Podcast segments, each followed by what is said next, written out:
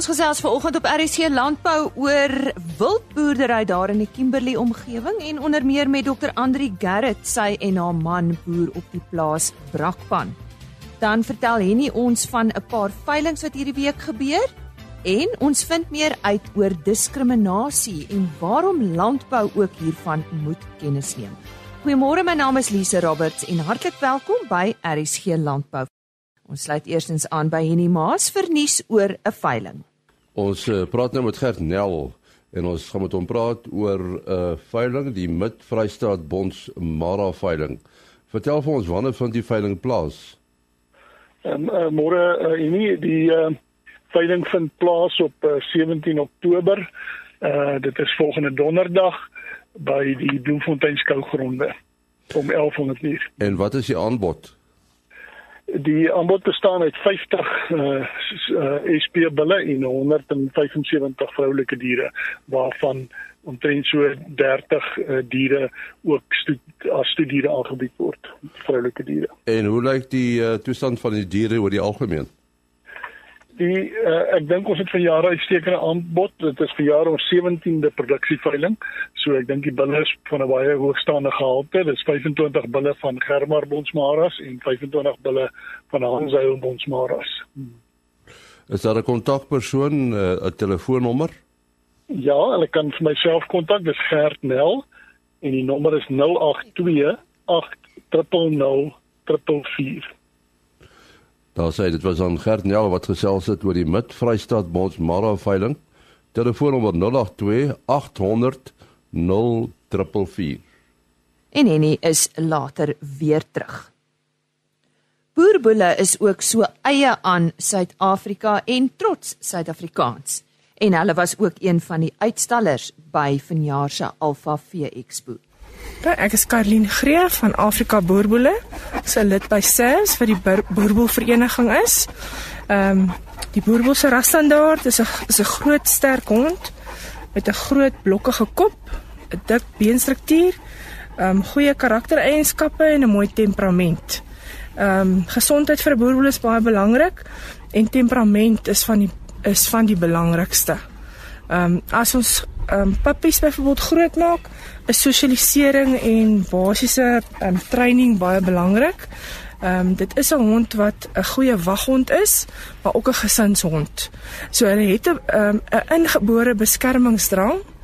Uh, hulle beskerm hulle hele familie. So is belangrik om jou puppy van kleins af ehm um, uit te vat, mense te ontmoet, te kan sosialiseer, ook te kan onderskei tussen wie's vriend en nie vriend nie. Anders as hy net agter in jou erf gaan bly, gaan hy nie 'n vriendelike hond word nie. Dit is aan Karlien Greef wat daar met ons gesels het oor boerboele. En nou vertel Henny ons van nog 'n veiling wat plaasvind en daarna praat hy met advokaat Erns Rigter oor diskriminasie. Aan die woord nou is Steven Matthews en ons gaan praat oor die ProSim veiling. Wanneer van die veiling plaas, Steven? Uh en nie die veiling vind plaas die 17de Oktober by die Lichtenburg skougronde en dit sal 11:00 die oggend begin. En vertel vir ons wat is die aanbod? En ons is baie opgewonde uh oor die baie sterk aanbod wat aangebied word. Daar's 'n aanbod van uh min of meer 60 bulle en dan ook uh so bietjie meer as 60 stoetvroulike diere ehm um, waarvan daar verseker stoetbulle tussen is en dan baie goeie kwaliteit kommersiële bulle. So die droogte het nie uit seer gemaak daar nie. Man ek wil vir jou sê die, die Prosim klub uh, is is uh, een van die sterkste simmentalle klubbe klubs in die land en toe hulle nou saam staan, ek dink met die feit dat daar soveel lede is wat op hierdie stadium dalk ehm um, of 'n betere bulle wat moontlike stoetpotensiaal het, wou selekteer om op daai veiling te sit en dan is daar ook ouens wat bietjie te klein is om sy eie produksie veiling te hou, maar wel baie goeie kwaliteit diere het en dit het nou 'n geleentheid geskep vir daai ouens om om ook goeie bulle mark toe te vat en ek dink daar was 'n groot aanvraag vir dit en daarom sit ons nou met redelike 'n groot getal. Ek dink die droogte in die omgewing is iets wat ons almal bewus is. Uh maar ek voel met die dekseisoen wat om die draai is, uh sal die boere tog uh, moet fokus en klem sit om ons om hulle koeie dragtig te kry so ek glo vir goeie bulle sal daar altyd 'n aanvraag wees. En hoeveel ouens neem deel?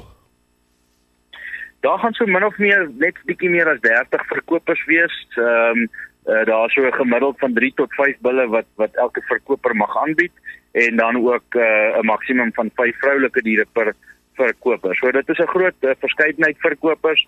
Ehm um, en uh, dit is ook almal lede natuurlik van die Prosim Club wat uh, tuis noem uh, Lichtenburg skougronde. Nou Steven, uh, as mense meer inligting wil hê, met wie moet hulle skakel?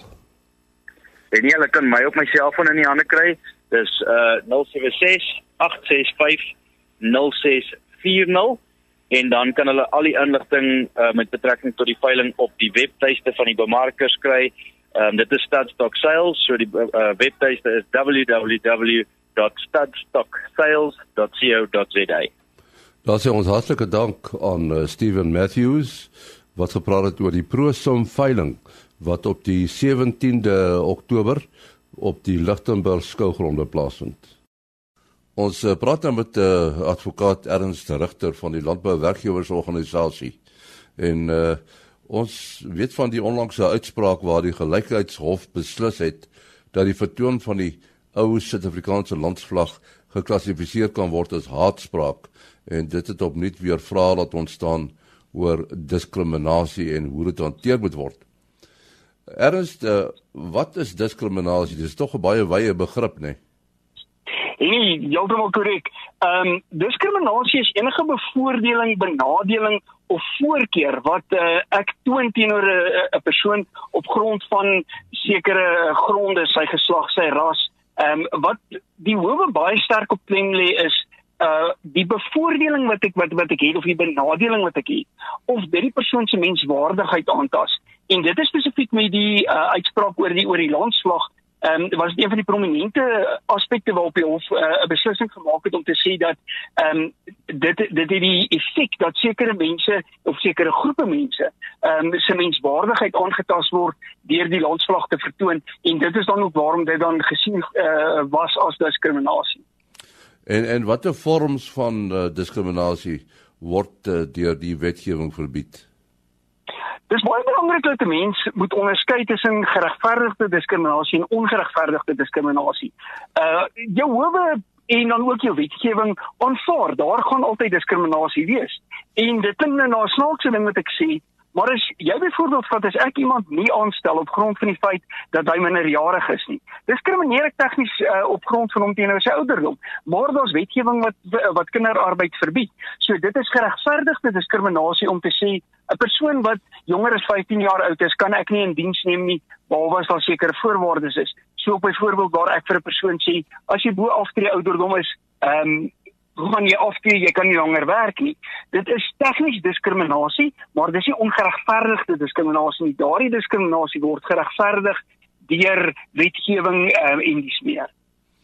In die algemeenste vorms van onregverdige diskriminasie in die werksplek wat is dit? Ook nie sien wat mense seker kry is maar ehm um, seksuele tuistering. Jy weet ons sit maar ehm um, Augustus maand was was was was die maand spesifiek teen uh, waar waar baie teen geleef was op diskriminasie teen vroue. Ehm um, seksuele teistering is 'n uh, uh, is een van die uh, erkende forme van diskriminasie. Ons kyk dan ook na uh, diskriminasie spesifiek teen vroue, nie noodwendig ehm um, seksuele teistering nie, maar in die werksplek en veral in die landbousektor, ehm um, almal vind ek maar nog steeds sekere poste, sekere werksomstandighede word geoormerk vir 'n sekere geslag Ehm um, mens kan verskeie voorbeelde noem en dan ook jou gelyke ehm um, betalings vir gelyke werk wat wat persone doen. Dit is ook 'n baie algemene vorm van van diskriminasie. En hoe beoordeel die howe of daar wel onregverdige diskriminasie in die vorm van ongelyke betalings is? Die eerste wat mense moet gaan kyk is doen die persone dieselfde werk of soortgelyke werk? So jy gaan 'n studie doen van wat is die persoon se pligte, wat is die persoon se verantwoordelikhede en ehm um, dit kom partykeer baie verskil. Jy weet 'n 'n plaasbestuurder byvoorbeeld waar jy 'n uh, 'n plaasbestuurder het wat ehm um, oor een persoon is wat kyk of hulle beeste oppas en waar jy 'n persoon wat 'n bestuurder is wat 'n hele plaas moet hardloop waar jy sit met 'n saai boerdery. Dit is tog verskillend alhoewel beide partye aangestel is as bestuurders tweede toets wat aan toegepas word is uh, word hulle gelyk betaal of is daar 'n ongelykheid in die betaling? En dan die derde en dit is die belangrike uh, uh, een van die belangrike aspekte is is daar regverdiging waarom die twee persone verskillend uh, betaal word? As daardie regverdigingsgrond of die gronde vir die verskil van die betaling gebaseer is op ras, geslag, ehm um, uh, en uh, dis meer dan gaan die howe uit die aard van die saak uit dit beskou as ongeregverdigde diskriminasie ehm um, waar dit is op grond van uh, kwalifikasies, jaaronding of uh, bonusse wat gegee word, gaan dit uh, beskou word as geregverdigde diskriminasie. Uh watter gedrag word beskou as uh sogenaamde seksuele teistering? Evidence met seksuele teistering is die definisie verskriklik wyd. Dit kan enigiets insluit van waar daar 'n fisiese kontak gemaak is met die persoon, maar dit kan ook sluit in baie minder as ek dit kan noem ernstiger forme uh die innuendos wat gemaak word. Dit kan selfs wees byvoorbeeld waar jy vir iemand fluit. Ehm um, jy weet daai ou gesegde van ek het hom met my oë uitgetrek dit is diskriminasie, 'n tipiese vorm van diskriminasie en dan ook, jy weet, jou diskriminasie waar ehm um, jy gaan vir my seker voordele gee en ek sal jou 'n pos aanstel of ek sal vir jou 'n bonus beloof. Die quid pro quo waarna hulle verwys, baie ook van seksuele diskriminasie. Wat wat is stappe moet boere doen as 'n uh, werknemer 'n grief indien oor seksuele teistering? Wat geweldig belangrik is is in die eerste plek moet daar 'n beleid wees ten opsigte van seksuele teistering. Tweedens, waar daar 'n klagte ingedien word, moet die klagte ondersoek word en aksie moet geneem word. Die werksplek moet diskriminasievry wees en die boer moet ehm um, stappe neem om seker te maak dat uh, sy sy sy werknemers werk in 'n diskriminerende vrye omgewing. Nou, wat is die risiko as 'n boer nou nie aksie sou neem nie? Die risiko is nogal geweldig groot. Die die die wet bepaal as jy kyk na artikel 60 ehm um, van die wet op billike indiensneming, bepaal dit waar 'n klagte gelê word aan 'n werkgewer en die werkgewer neem nie stappe om om die diskriminasie te stop nie. Word die werkgewer so skuldig beskou as wat die oortreder is. En die werkgewer kan dan aangespreek word nie net vir kompensasie nie, maar ook enige skadevergoeding. So so eis kan letterlik miljoene rande beloop waar as dit 'n gewone ontslag is byvoorbeeld is die eisperk tot 12 maande kompensasie uh gegrond op die persoon se salaris. Nou as 'n werknemer uh, dink daar's teen hom of haar gediskrimineer, waarheen neem 'n mens so 'n saak? Die wetgewing in diensneming bepaal dat waar dit 'n uh, geval is van seksuele teistering, kan enige saak na die KVBA te verwys word. Waar dit egter ander diskriminasie is, indien 'n persoon onder 205 uh, 433 ehm um, salaris verdien, dan kan die saak ook verwys word na die KVBA toe, anders moet die saak na die arbeidshof toe verwys word tensy die partye toestem tot die uh, jurisdiksie van die KVBA. Nou Ernst, wat is die toets wat die howe gaan toepas om nou te bepaal of daar wel diskriminasie was? Hier weer is die wetgewing het so 2, 3 jaar terug het hy verander. Voorheen was die die die die onus op die werknemer om te bewys dat daar wel 'n daad van diskriminasie was. En dit was baie keer baie moeilik geweest want ehm um, jy weet die persoon tree verkeerd om, jy kan nie regtig bewys hy diskrimineer teen jou nie. Die wet bepaal nou dat indien daar beweer word dat die diskriminasie op een van die verbode gronde ehm um, uh, geskied het. So dit is dan diskriminasie op grond van ras, geslag en so meer. Dan rus die volledige bewyslas op die werkgewer. So die werkgewer moet bewys daar was nie diskriminasie gewees nie en die werkgewer moet bewys sou daar diskriminasie wees dat daardie diskriminasie geregverdig is. So watter voorkomende stappe kan boere doen dis om risiko's te verminder? Like drie baie belangrike stappe wat boere moet doen. In die eerste plek is maak seker jou beleide is reg. Maak seker jy het 'n beleid teen opsigte van diskriminasie. Maak seker jy het 'n seksuele teistering beleid. Maak seker dat jy reëls en werkplek het van wat proses is wat jy gaan volg sodra daar diskriminasie ehm um, 'n klagte aanhange gemaak is die uh kode die praktykskode vir seksuele teistering bepaal dat dit is die eerste ding waarna kommissaris gaan kyk. Het jy 'n proses gehad? Het jy 'n beleid gehad? Tweedens is dit geweldig belangrik. Mens moet opleiding gee aan jou persone. Mens moet die die die bestuurders ehm um, moet jy oplei in in in diversity management. Hoe hanteer ek uh, 'n uh, diverse werkgroep? Uh, my ek in my ervaring is daar baie keer ehm um, bestuurders is daar baie keer eienaars wat hoogs diskriminerend optree en nie werklik bewus is wat die wat die gevolge is van die uitsprake wat hulle maak nie. En dan vir die derde ding en dit is seker een van die belangrikste ding, die eienaar moet die voorbeeld stel en die eienaar uh, is die een wat homself moet weerhou van enige enige diskriminasie en dit moet ook dan deurgesyfer word na al die ander personeel van die hoogste tot die laagste vlak. Ons hartlike dank aan uh, advokaat Ernst Rigter van die Landbou Werkgewersorganisasie. Twee veeartse en dit is dokter Greg en Andri Garrett boer op uh, die plaas Brakpan in die Kimberley distrik. Nou dis 'n wildboerdery maar met 'n spesifieke fokus. En ons gesels nou met uh, Andri hieroor. Nou jy sal dalk onthou dat ons medewerker in die Noord-Kaap, Koos de Pisani, ook onlangs met haar gesels het tydens 'n plaaswerker opleidingsdag wat Wildbedryf Suid-Afrika in daardie streek aangebied is en uh, meer spesifiek uh, daarby Wintersoek die plaas van Wian van der Linde. Nou Andri, Net baie kortliks, is altyd vir ons lekker om te weet. Vertel ons net, hoe het jy en jou man by wildboerdery betrokke geraak en uh, julle is veeartse? Ja, Lise, baie dankie vir die geleentheid om hier by jou program bietjie te gesels. Dit is 'n baie ou boerdery en dis my pa se boerdery wat hy in 1998 begin het. Aanvanklik eers met buffels in die Suid-Kaap en toe later in 1991 rond het hy die grond by Kimberley bekom en met Pastergemskokke en Swarte Pense begin boer. So uit die aard van die saak het ek groot geword by die boerdery en was van kleins af betrokke. Maar onafhanklik van my het my man voor ons ontmoet het ook 'n liefde ontwikkel vir boerdery en naweke en vakansies waar hy kon by uh, vriende se plase deurgebring. En aanvanklik uh, het ons nou as veel as stuk gekwalifiseer en oor see gaan werk en toe ons terugkom het ons eers as net die veearts en hy kan behartig van die boerdery. Maar um, in 2012 rond het my pa ons begin betrek op by die seleksie van die diere en dis waar ons regtig 'n liefde ont ontwikkel het vir die ehm um, teelkant, jy weet die ek sou maar sê die stoetkant van die boerdery. Nou ek het in my inleiding verwys na 'n spesifieke fokus en dit het sy ontstaan ook by jou pa. Nou wat is julle spesifieke doel op die plaas?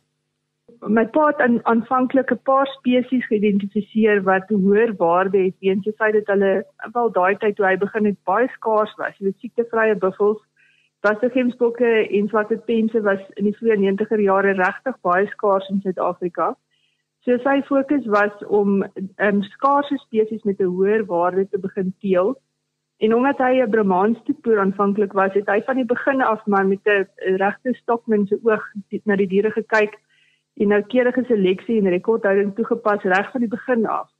So ons doelwit is om regtig um goeie kwaliteit maar steeds veldaangepaste diere wat in 'n natuurlike omgewing vir hulle self kan sorg met minimale um byvoedings en um inmenging van menskant af um kan hulle oorleef en aangaan maar tog manipuleer ons hulle geneties deurdat ons regtig noukeurige um seleksie toepas met goeie rekordhouding en um, regtig probeer om um, met die tyd saam beter en beter diere te produseer. Ek wil 'n bietjie meer spesifiek gesels oor uh, julle belang in die teelwaarde van die Baster Gemsbok. Wat is en was nog altyd vir julle belangrik en dink jy dra by tot julle sukses? Ek dink ons was uh, regtig gelukkig om met goeie diere te kon begin. So ek dink as jy met swak diere begin en dit vorm die fondasie van jou kudde, dan uh, het jy altyd 'n agterstand en dit vat jy kan natuurlik opdeel met tyd, maar dit vat vreeslik baie tyd om om dan op die einde by 'n goeie kudde te eindig. So ek wil wil sê ek dink ons was ehm um, gelukkig dat ons met goeie diere begin het. Ehm um, dit is nou uit die invoerprojekte van Dr. Johan Kriek uit Malawi uit. Daar was twee verskillende projekte. Ehm um, by die een het my pa direk van Dr. Kriek af bokke direk uit Malawi uitgekoop en Die ander het ons bokke bekom van sy 1987 invoerprojek uit Malawi uit. So ons het met baie goeie diere begin.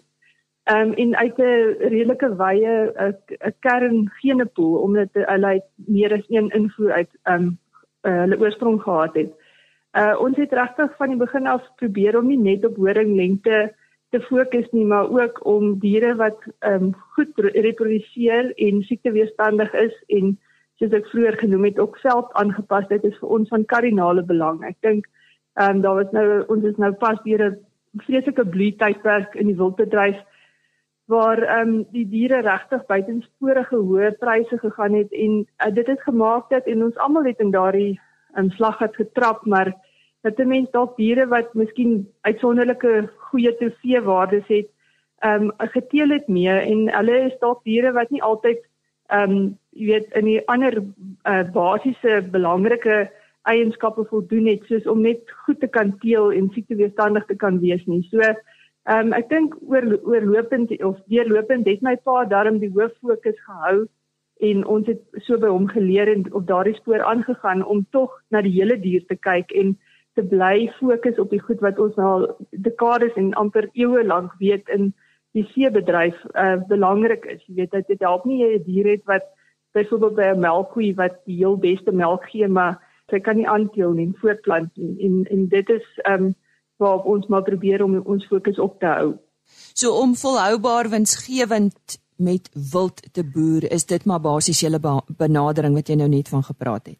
Ja, dit kom daarop neer want as jy 'n dier moet voer om te kan oorleef, soos 100% moet voer om te kan oorleef en dis 'n dier wat nie elke jaar vir jou 'n kalf gaan gee in die geval van 'n koe nie of dis 'n bul wat nie al jou koeie gaan dek nie. Uit die aard van die saak gaan jy dan nie winsgewend kan boer nie. So dit kom daarop neer dat ehm, die parameters wat jy moet bly oorweeg en wat moet swaarder weeg as om net die grootste horings te produseer is die basiese goed wat ons weet van die veebedryf af en dit is om aangepas te wees, gehard te wees, goed te kan voortplant en nie vatbaar te wees vir die siektes waarvoor hulle nie behoort vatbaar te wees nie. Andri praat net weer met ons oor die belangrikheid van rekordhouding.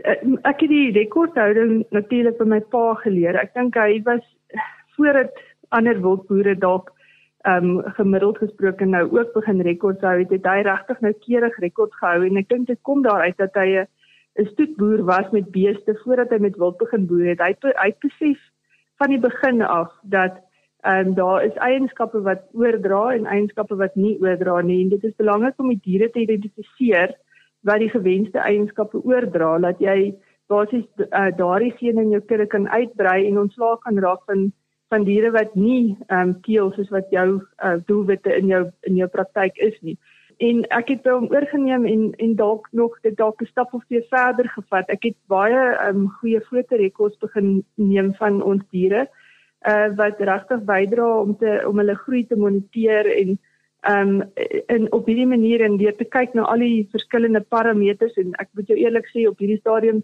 is ons nog nie seker van alles wat belangrik is nie. Dis 'n nuwe bedryf. Daar's goed wat ons net so kon oorneem van vee af, maar daar's ook 'n groot klomp goed waarvan ons nie weet, ons weet nog nie regtig by wild nie, maar deur na alles te kyk, ehm um, het een ding vir my werklik uitgestaan en dit is dat daar is moederlyne wat nooit teleurstel nie. En ek ek ons almal weet die waarde van die bil en dat daar bulle is wat werklik waar hulle ehm um, jy weet baie prepotent is om hulle eienskappe oor te dra, maar ek dink die een ding wat baie uh, boere nog dalk nie al genoeg aandag aan gee nie is dat daar werklik koeilyne is wat superieur is en um, ons het al met swakker bulle uit daai koeilyne uit net nog steeds top aandeel gekry en um, ek dink dit is vir my 'n baie groot uh, fonds gewees is om dit te kon uitvind of uh, dalk is ek sekerlik nie die eer, eerste een wat dit uitgevind het nie maar ek dink die fokus op koeilyne in ons boerdery is 'n is 'n baie sterk iets waaroor ba ons baie sterk voel.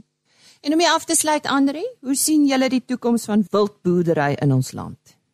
Wel, ek dink ons land is is gemiddeld 'n baie droë land met marginale boerdery areas en hierdie diere waarmee ons boer is diere wat natuurlik hier voorgekom het. Ehm um, ek dink ons het met die weet die wegneem van hulle habitat deur boerdery, ander boerdery met ehm uh, fasette wat oorgeneem het, het ons baie van ons diere verloor en ons is nou weer besig om hulle meer te maak met die wildboerdery. Ek weet nie of jy weet nie, maar daar was maar omtrent 500 000 um, diere in privaat besit in die laat 80er jare toe wild nou um, eienaarskap kon kry in Suid-Afrika en daar's vandag ek weet nie die syfers wissel maar dit is maar rondom 15 miljoen uh koppe wild in privaat besit. So daar's 'n geweldige toename gewees in getal. En ehm um, hierdie diere is glo ek by uitstek geskik om gebruik te word in en daardie marginale boerdery areas te kan benut. En ehm um, ons wildbedryf rus hoofsaaklik op vier bene. Dit is die die teelmark, die jagmark, ekotourisme en dan vleis. En Drie van daardie bene is baie goed ontwikkel nou oor die laaste dekades, maar ek dink die een mark waarop ons regtig kan fokus in die volgende tyd is die vleismark en dit skakel ook in by voedselsekerheid wat veral in Afrika regtig meer en meer belangrik word. Ons populasies neem toe en ons voedselproduksie moet uh, saam met dit toeneem en uh, ons kan natuurlik nou nie gaan mielies plant in die dele met lae reënval nie, maar ons kan net wil daar boer en ek dink in daardie opsig is wildboerdery regtig belangrik. Nou ja, ons het daar lekker gesels met dokter Andri Gerrit. Sy is van die plaas uh, Brakpan daar in die Kimberley omgewing. En sy het 'n bietjie met ons gesels oor hulle wildboerdery en wildboerdery in Suid-Afrika. Dis tyd om te groet. Uh, ons gesels weer dan môreoggend net so na 5 met u. Ek praat onder meer môreoggend met Dr. Wiekie Tolmey van die Klein Graan daar in Bethlehem. En uh, ons praat oor landbounavorsing as 'n studierigting. So onthou om dan by ons aan te sluit. Totsiens. RSG Landbou is 'n produksie van Plaas Media. Produksieregisseur Henny Maas. Aanbieding Lisa Roberts. En inhoudskoördineerder Jolandi Root.